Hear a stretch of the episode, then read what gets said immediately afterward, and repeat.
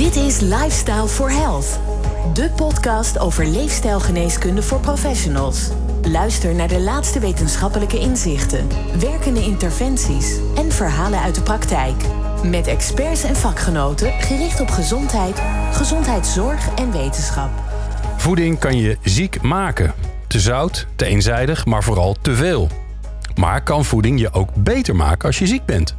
Welke rol kan voeding spelen in de aanloop naar een operatie? Of bij het herstel van een ziekte of ongeluk? Hoe maakt gezonde voeding je gezond? En hoe kunnen zorgprofessionals voeding inzetten voor hun patiënten? Ik ben Glenn van den Burg en ik ga daarover in gesprek met Connie Hoeks, is diëtist en docent aan de Academie voor Leefstijl en Gezondheid. En Renger Witkamp, hij is hoogleraar Nutritional Biology, Wagen Universiteit. En research moet ik dan zeggen natuurlijk, hè? want ik woon in Wageningen, dus dan weet je hoe het eh, officieel echt heet. Uh, fijn dat jullie er zijn, Connie en uh, Renger. Eerst maar even beginnen bij het prille begin. Wat weten we eigenlijk, en dan hoeven we niet alles te vertellen, want zijn we drie weken verder, maar wat weten we eigenlijk over de, de werking van voeding op onze algemene gezondheid? En uh, Connie, dan ga ik bij jou beginnen, want jij bent diëtist. Ja, uh, ik denk dat uh, je lichaam heeft veel organen, weefsels. En die hebben gewoon uh, bepaalde vitamine, mineralen, eiwitten als bouwstoffen nodig. ik denk dat dat het belangrijkste is. Dat je binnenkrijgt wat nodig is voor onderhoud en opbouw. Ja, maar dat is natuurlijk niet altijd hetzelfde. En niet iedereen is hetzelfde. Klopt. Dus dat lijkt Klopt. me dan wel de uitdaging die we met z'n allen hebben. Ja, maar we hebben natuurlijk ook wel een lange geschiedenis als mens. En waar, we, waar ook ideeën over zijn. Er zijn wetenschappers die hebben gekeken naar wat aten we eigenlijk in, uh, in de oertijd bijvoorbeeld. En er zijn verschillende analyses gemaakt. En je hebt bijvoorbeeld ook zo'n tandarts, uh, Weston Price. Die uh, heeft de wereld rondgereisd om te kijken welke voeding mensen aten en hoe dan het gebit oh. uitpakte. En? Nou, bijvoorbeeld uh, had hij, was hij naar Zwitserland gereisd met zijn vrouw en heeft heel keurig verslag gelegd daarvan. En dan zag hij dat uh, mensen daar uh, bepaalde gefermenteerde producten gebruikten, bijvoorbeeld kaas. En dat zij dus een goede tandstructuur hadden. En anderen weer veel minder. Dus. Oké, okay, dus die heeft zeg maar niet wetenschappelijk, maar wel anekdotische bewijs ja, verzameld. Observationeel over... onderzoek deed Ja, ja. Oh, wat grappig.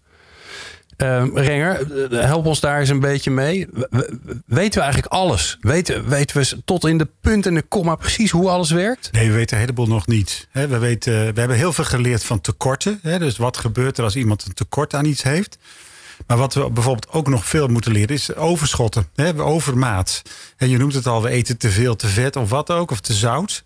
Uh, dan gaat het mis. Maar de vraag bij wie gaat het wel mis en bij wie gaat het niet mis? Hoe lang duurt het? Hè? Mensen zijn opvallend flexibel. We kunnen heel veel hebben. Het is waarschijnlijk zo dat het pas echt fout gaat als het echt fout is. Hè? En uh, wat we moeten bijvoorbeeld leren is van ja, waar, waar in onze ontwikkeling als mens. Waar ontstaan op een gegeven moment de problemen? Hè? Ik maar wat suikerziekte, dat krijg je niet binnen een paar dagen. Dat, dat, dat gaat heel langzaam. Eh, kanker duurt ook jaren waarschijnlijk. Ja, we dus moeten echt leren van ja, op welk moment gebeurt er iets met onze leefstijl. Het is voeding en een heleboel andere factoren. En op welk moment zouden we dat sommige dingen niet moeten doen of anders moeten doen? Ja, je begon er zelf wel even, hè? Oh, diabetes, kanker. Hoe beïnvloedt voeding het ontstaan van ziektes en het herstel van ziekten? Nou, van een groot aantal ziekten, dan hebben we het vooral over de chronische, zogenaamde niet overdraagbare ziektes. Hè, dat het onderscheid met infectieziektes. Uh, van een groot aantal ziektes weten we vrij zeker dat voeding een belangrijke rol speelt. En dat varieert. Hè, de ziektes die direct gekoppeld zijn aan foutvoeding zijn bijvoorbeeld nou, suikerziekte type 2 diabetes. Hè, type 1 is een andere vorm van diabetes. Hart- en vaataandoeningen. Hè, daar speelt voeding en ik zeg er altijd ook andere leefstijlfactoren speelt een enorm belangrijke rol.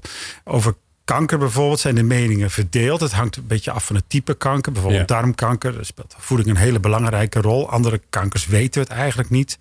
Hè, maar toch wel is, nou ja, laten we zeggen, sommige kankers toch wel dat, dat leefstijl in het algemeen de helft van de gevallen kan verklaren. Ja. Hè, en soms is het uh, leefstijl in combinatie met. Hè, ik bedoel, je genen zijn ook belangrijk. Er zijn mensen die gewoon een heleboel dingen fout doen, bewijs spreken. Fout klinkt dan heel fout, hè? Dat, is, ja. moet je ook niet maar zeggen. Ja, roken maar, weten we ondertussen ja. van dat is gewoon echt fout. Ja, en maar dan toch krijgt niet iedereen die rookt, krijgt uiteindelijk longkanker.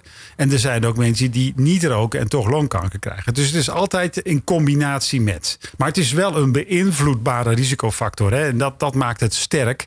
Eh, want degene, daar kan je niks aan doen. Maar van je leefstijl kan je wel wat aan doen. Ja. Um, Connie, um, het kan ook helpen bij de herstel van ziekte.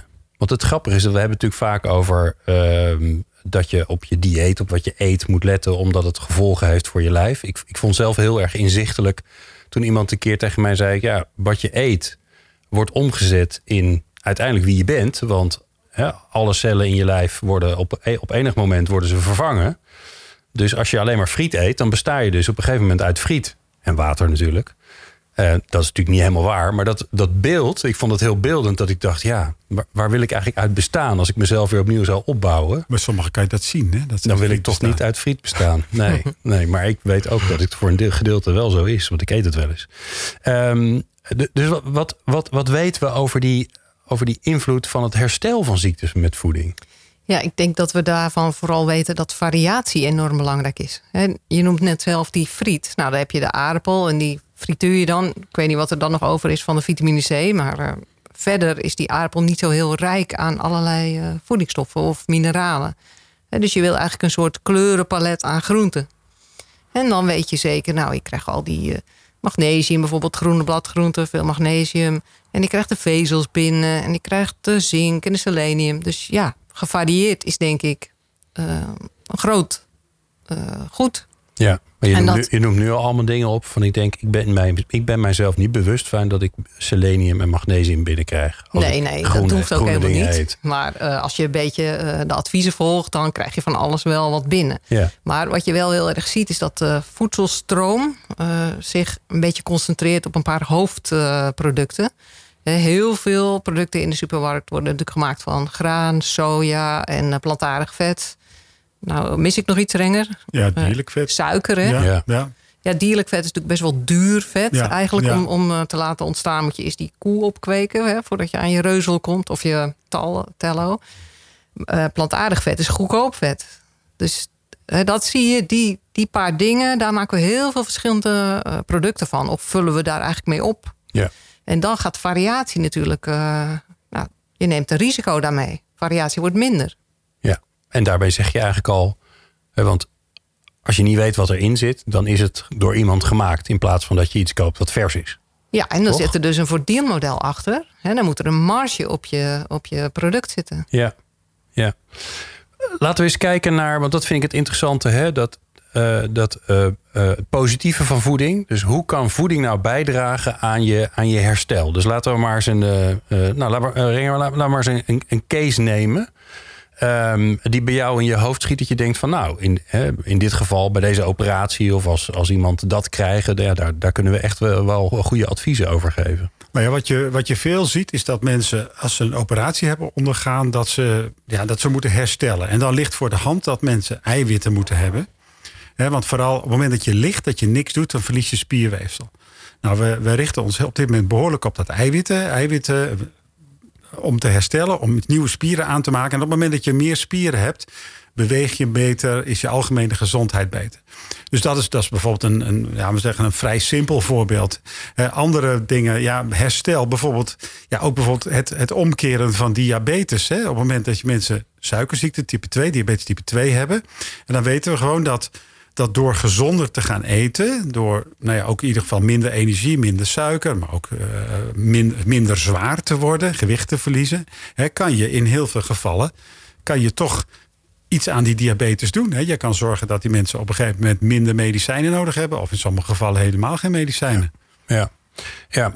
bij die operatie wil, wil, ik even, wil ik even stilstaan. Want over diabetes daar hebben we al in andere eerdere ja. podcasts best veel, uh, best veel besproken ik kan me ook voorstellen dat uh, nou, vaak, hopelijk, weet je wanneer je geopereerd wordt. Hè? Als het niet, ja. als het niet uh, acuut is, dan weet je wanneer, je wanneer je naar het ziekenhuis moet. Dat lijkt me ook een weg die je kunt behandelen. Corny. Ja, volgens mij hebben ze dat in Rotterdam laatst in een mooie pilot gedaan. Dat mensen zeggen, volgens mij zes weken voor aanvang van een operatie ook naar het ziekenhuis zouden komen. En dan hebben ze die twee dingen gekoppeld. Dus ze hebben uh, mensen een beweegprikkel gegeven. Hè, dat de spieren eerst geactiveerd worden en daarna een eiwitproduct. en dan zag je, ik weet niet de cijfers, want het is. Hè, maar daar zag je een mooie verbetering als ik dus degene die dat gefinancierd heeft mag geloven. Ja. Ja, nou in het ziekenhuis Ede, op het moment dat je diagnose kanker krijgt en je gaat, wordt staat op de wachtlijst voor operatie, word je meteen na die diagnose, of meteen, na enige tijd, word je naar de fysiotherapeut en de diëtist gestuurd. Om te zorgen dat je in een betere conditie en een betere voedingstoestand hè, de, de, operatie ingaat. En dat is toch wel aangetoond dat beter erin gaan ook betekent beter eruit komen. Ja. De operatie is heel zwaar voor je lichaam. Hè. Ik bedoel, ja, als je een tumor hebt ja, in sommige gevallen voel je je nog helemaal niet ziek. Je wordt eigenlijk ziek op dat moment door die operatie. Hè. En op het moment dat je dan goed in conditie bent, hè, zowel qua stofwisseling als qua, ja, laten we zeggen, gewoon algemene fysieke conditie, ja. ja dan kom je er beter uit. Ja. En, en, hoe, en in dit geval, hè, Connie, hoe, hoe doe je dat dan? En hoe specifiek is het dan? Hè? Want in een betere conditie, uh, bewegen, dat zijn allemaal ja, algemene adviezen. Die kan ik me heel goed voorstellen dat die. Ik, ik denk gelijk, ja, dat is een goed idee. Kun je dat ook heel specifiek maken? Weet je dan ook, nou, als iemand uh, aan kanker geopereerd wordt, dan moet hij meer van dit soort stoffen tot zich nemen, moet hij meer van deze voedingsstoffen, uh, deze groenten meer gaan eten? Is het, kan je het al zo specifiek maken? Dat, ding, dat weet ik in ieder geval niet. Ik denk dat het gewoon ook dan heel belangrijk is dat je die variatie erin brengt. En dat het lichaam zelf kan pakken wat hij nodig heeft. Ik, ik noem bijvoorbeeld maar uh, ijzer uit voeding. En dat heb je in twee varianten, de plantaardige en de dierlijke variant. En er zijn mensen, daar weten van, genetisch uh, belast. En die nemen extra veel van dat ijzer op. Maar als je dat niet hebt, dan uh, regelt het lichaam het eigenlijk zelf. Hoe, okay. dus krijg je als vrouw een wat, hè, dan menstrueer je natuurlijk, verlies je wat meer ijzer. Neem je net iets beter die ijzer op. dus dat lichaam heeft ook wel daar. Uh, maar als je niet die genetische aandoening hebt, maakt het dus eigenlijk niet zoveel uit als je te veel ijzer eet. Zoals je nou, dat is, in mijn hoofd zit nog dus steeds spinazie, maar volgens mij is het nee. alweer veranderd, hè? toch? Ja, dat bleek een foutje in de Duitse ja, voedingsmiddelentabel te zijn. Ja, klein, klein rekenfoutje. Maar als je dus genoeg varieert, hè, probeer maar eens te veel ijzer met voedsel binnen te krijgen. Het lukt bijna niet. Want ik, probeer maar eens drie biefstukken op te eten. Hè, de beste bron van. Uh, ja. Nou, dan ben je wel een aantal. Zin in. Ja. maar dan ben je een aantal uur zeg maar, onder de pan om dat weer te verteren. Hè? Een leeuw die ligt na de maaltijd ook drie dagen onder een boom. En dat is niet voor niks. Dat is zwaar werk, dat eiwit verteren. Ja. Ja. Nee, maar even terug te komen op wat je voor de operatie kan doen. Hè? De, we kijken steeds meer van is die persoon die geopereerd moet worden, eh, hoe, hoe gaat het met zijn metabolisme of met haar metabolisme, stofwisseling? En op het moment dat je uh, overgewicht hebt, dat je zogenaamde prediabetes hebt, hè, toch weer even over diabetes, hè, dus dat je minder gevoelig, je, gevoelig bent voor insuline, dan is het zeer zinvol om daar iets aan te doen.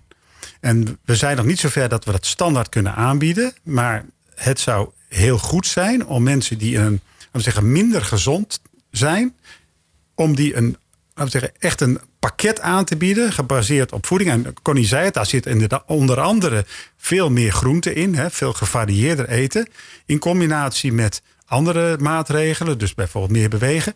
Hè, dat je dan metabol gezien, zoals we dat noemen, in een betere toestand bent. Dat heeft te maken met op het moment dat je ongezond bent, dan heb je een soort sluimerend ontstekingsproces. En die ontstekingsreactie die wil je omlaag brengen. Oké, en, en uh, uh, dat, dat werkt, weten we dus uh, ondertussen, dat werkt bij diabetes. Werkt datzelfde principe ook bij andere ziektes? Er lijkt een soort, soort generiek proces te zijn. Dat is dat wat ik al zei, dat, dat ontstekingsproces. En dan moet je niet denken van uh, zwerende vinger, hè, rood, kloppend, pijnlijk. En dat betekent dat je, in, dat je een soort milde ontstekingsreactie in je lichaam hebt. Dat voel je niet, maar hij is er wel. Hij, hij is wel meetbaar. En die ontstekingsreactie die, die gaat elders in het lichaam ook schade aanrichten. Die heeft een effect op je bloedvaten, die heeft een effect op je spieren, heeft een effect op je, op je hersenen. En dat is een soort generiek proces waarvan we wel weten dat als we daar iets aan kunnen doen, en dan komt hij weer, gevarieerd eten enzovoort, dat als die omlaag gaat, dat je dat die andere factoren hm. ook gunstiger gaan worden. Nou heb ik zelf wel eens langs horen komen het advies, uh, sterker nog bij mijn moeder, die, uh, die reuma heeft. Die werd geadviseerd, ga vegetarisch eten, want daar is een effect. Die is dat gaan doen en die voelt zich een stuk beter. Dus die is geholpen. Ehm, zijn, zijn, er, zijn er dat soort concrete combinaties ook van ziektes en bepaalde vormen van dieet? Meer van dit, minder van dat? Ik kijk jullie even allebei aan. Het geval uh, uitleggen. Ja, uh, als, nou, je, als je dus uh, met de type 2 diabetes te maken hebt en je, en je bouwt steeds meer uh, lichaamsvet eigenlijk op, dus eigenlijk gewoon een energievoorraad, dan begrijp je, ik tenminste niet, waarom remt dat je eetlust niet af? Je zou denken, als je dikker wordt, dan heb je meer voorraad, hoef je minder te eten. Ja. Maar het, of, nou grappig. Evolutionair gezien zou je zeggen, dat is logisch. Ja, dat klinkt logisch, maar je krijgt juist steeds meer eetlust en steeds frequenter. Dus het wordt steeds moeilijker om. Eh, het lijkt er net op dat het lichaam die energiestroom verlegt. Dus je krijgt geen energie meer naar je spiermassa. Je spieren worden het eerst resistent voor insuline. Het gaat eigenlijk veel meer naar je vet. Dus je wordt zo makkelijker zwaarder. En ja, om dat om te keren, eh, kan je kijken naar welk voedsel neemt welke route. En dan uh, kijk ik wel eens naar een koolhydraatbeperkt advies. Ja. Wat, wat betreft die reuma, dat, uh, dat onderzoek kennen we. Dat, dat vindt onder andere in, uh, in Amsterdam plaats, waar men echt vegetarisch eet. Ik weet zelf niet of je per se vegetarisch moet eten. Um, ik denk dat wat men daar doet met een heel gevarieerd dieet met heel veel groenten. Hè, de vegetariërs leven vaak ook, denk ik, gezonder, omdat ze heel gevarieerd eten.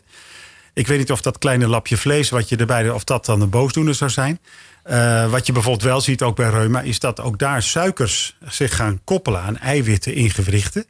Dus dat ook daar in reuma iets verlaagd koolhydraatinname. Want reuma is natuurlijk, zijn natuurlijk ook ontstekingen. Ja, het is een ontstekingsziekte. Dus en dan kom je weer een dus, beetje terug bij ja, hetzelfde. Ja. Men is tegenwoordig steeds verder gekomen met het zogenaamde ontstekingsremmend voedingspatroon. Hè, dat anti-inflammatoire voedingspatroon. En dat is eigenlijk simpel gezegd komt dat zeer nauw overeen met het mediterrane, het oorspronkelijke mediterrane eten. En dat is toch weer, weer komt hij weer heel veel groenten.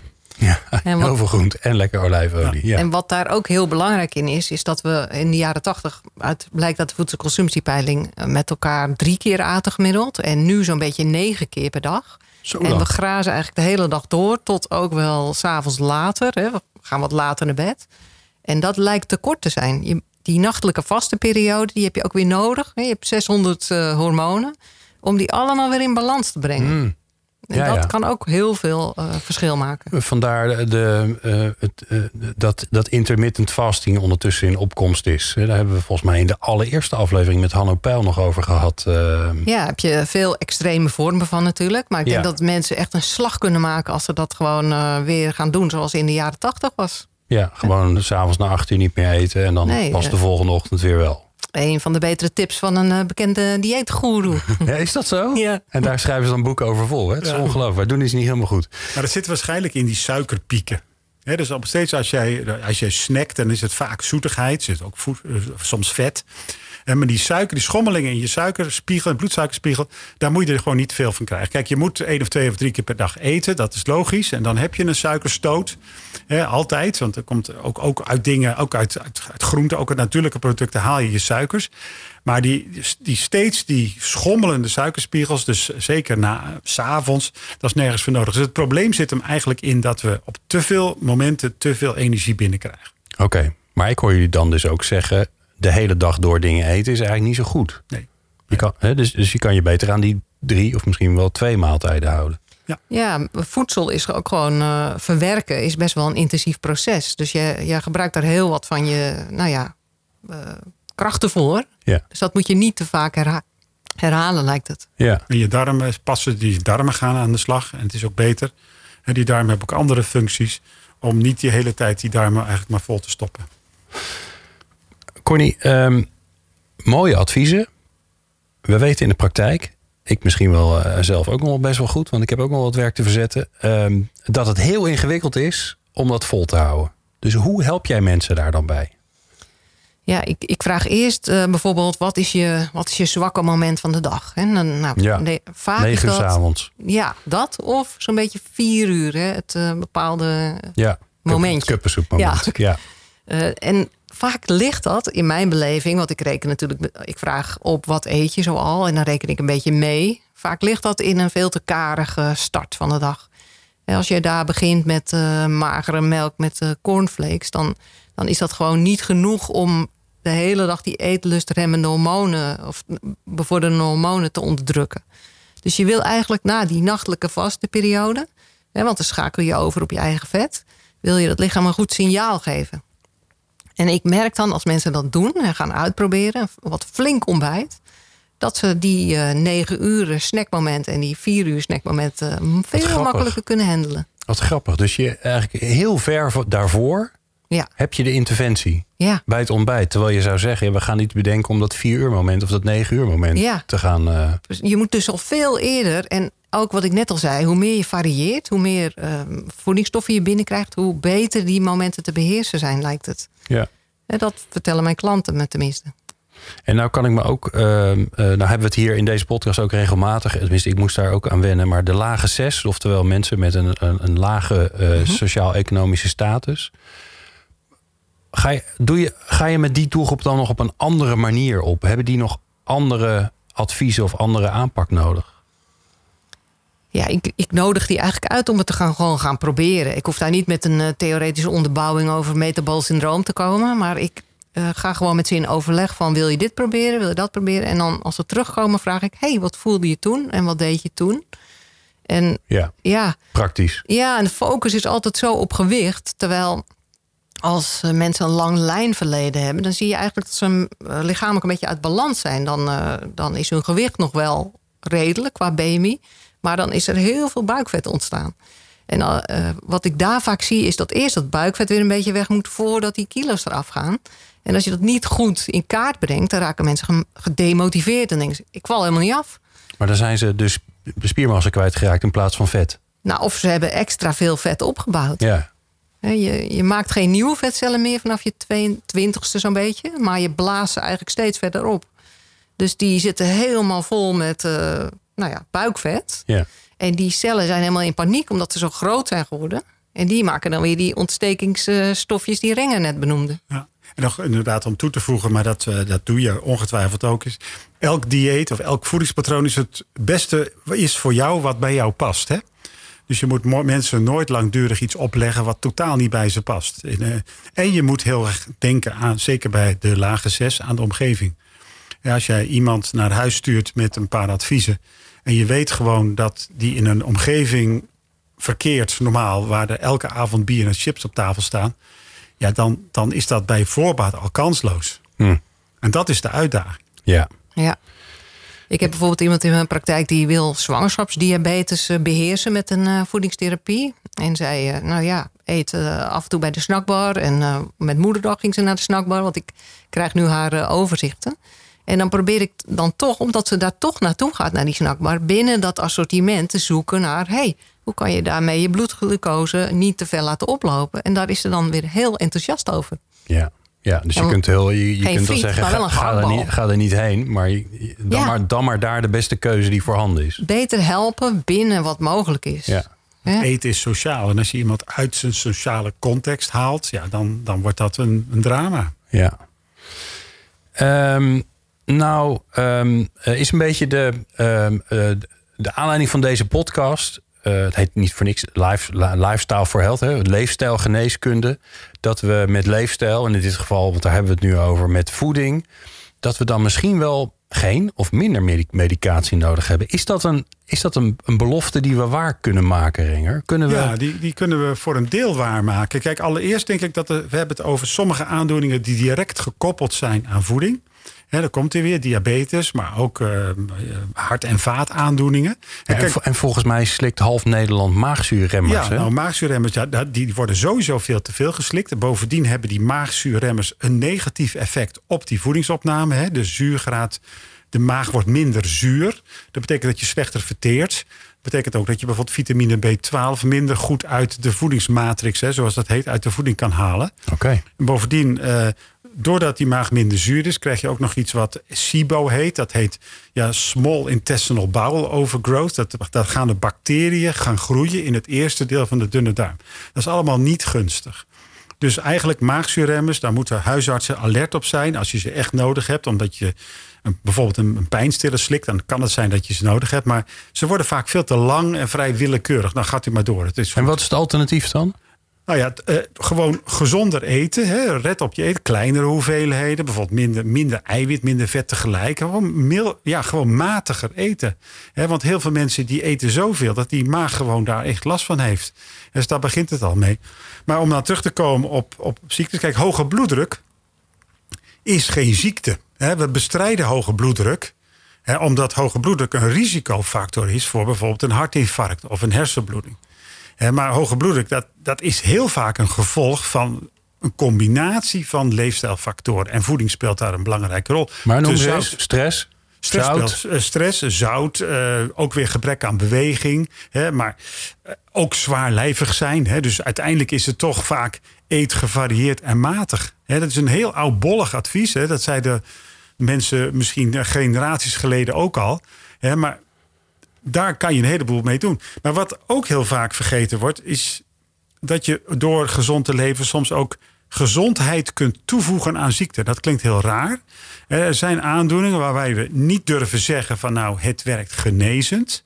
Maar doordat de patiënt zich beter voelt, zich beter kan voelen en ook ja, laten we zeggen makkelijker beweegt, eh, zich ja, heeft die persoon gewoon minder last van die ziekte, kan die er beter mee omgaan. En dat kan je zelfs hebben met ziektes die gewoon nooit overgaan. Ja, zelfs ja. met MS hebben we dat gedaan. Dan denk ik van ja, theoretisch kan het niet. Maar, die Maar mensen hebben we dat gedaan? Heb je, daar hebben jullie onderzoek naar we hebben een gedaan? leefstijlprogramma gehad, dat weet Connie ook nog, met, bij MS-patiënten. Nou, ik durf niet als wetenschapper keihard te zeggen... met voeding kan je MS verbeteren. Hè, maar de mensen die meededen aan dat leefstijlprogramma... zeiden beide, bijna zonder uitzondering... ik voel mij beter, ik heb mijn lot in eigen handen... Ik, ik, ik, ik, het gaat allemaal beter, ik beweeg beter... ik heb beter contact eh, enzovoort. Dus ja, dat moet je afzetten tegen heel veel medicijnen die ook niet genezen. Hè, want dan dat zeg maar, ja, maar het geneest niet. Ja, dan zeg ik maar heel veel medicijnen genezen ook niet. Ik bedoel, als jij Nee, diabetes hebt, symptoombeschrijving, toch? dan krijg je gewoon je leven lang medicatie. Het gaat nooit over. Je beheerst het. Dan denk ik van, nou, als je het kan beheersen met leefstijl, heeft dat toch voordelen, want dan ben je toch breder bezig. Mooi, ja, mooi voorbeeld. Ehm Cornie, we, hebben- we hadden het al een beetje over. En we, we hebben natuurlijk al wat mooie adviezen langs horen komen. Ehm, hoe, combineer je die twee in jouw praktijk? Dus de algemene die voor iedereen gelden... en de individuele die afhankelijk zijn van... Nou ja, met welke ziekte mensen lopen... of wat hun eetpatroon is. Ja, eigenlijk door, door dat toch op een. Ik weet niet of je nog over de lage zes hebt, maar ik gebruik heel veel plaatjes eh, in mijn praktijk. Praatplaatjes noemen we die. En eh, dan kan je een beetje in beeld brengen wat er dan van binnen kan gebeuren. Hè. En laat ik, waar ik het net over had, die acht golfjes zien of negen golfjes. Elke keer dat je eet, is je lichaam gewoon een uur of vier, vijf, zes bezig om dat voedsel weer van hier naar de weefsels te krijgen. Eh, als je er dan alweer iets in gedaan hebt, dan eh, moet je weer eh, een aantal uur wachten voordat je eigenlijk kan overschakelen op je eigen vetvoorraad. Dus als je over afvallen wil hebben, want dat is toch het grote deel van mijn werk, dan denk ik vaak dat er eigenlijk gelegenheid moet komen om dat vet weer uit die cel te laten stromen. En niet zozeer dus wat moet ik wel eten om af te vallen, maar nou wel natuurlijk om je eetlust te beheersen, maar vooral hoeveel ruimte geef ik om van dat vet af te komen. En wat, wat doe ik dan?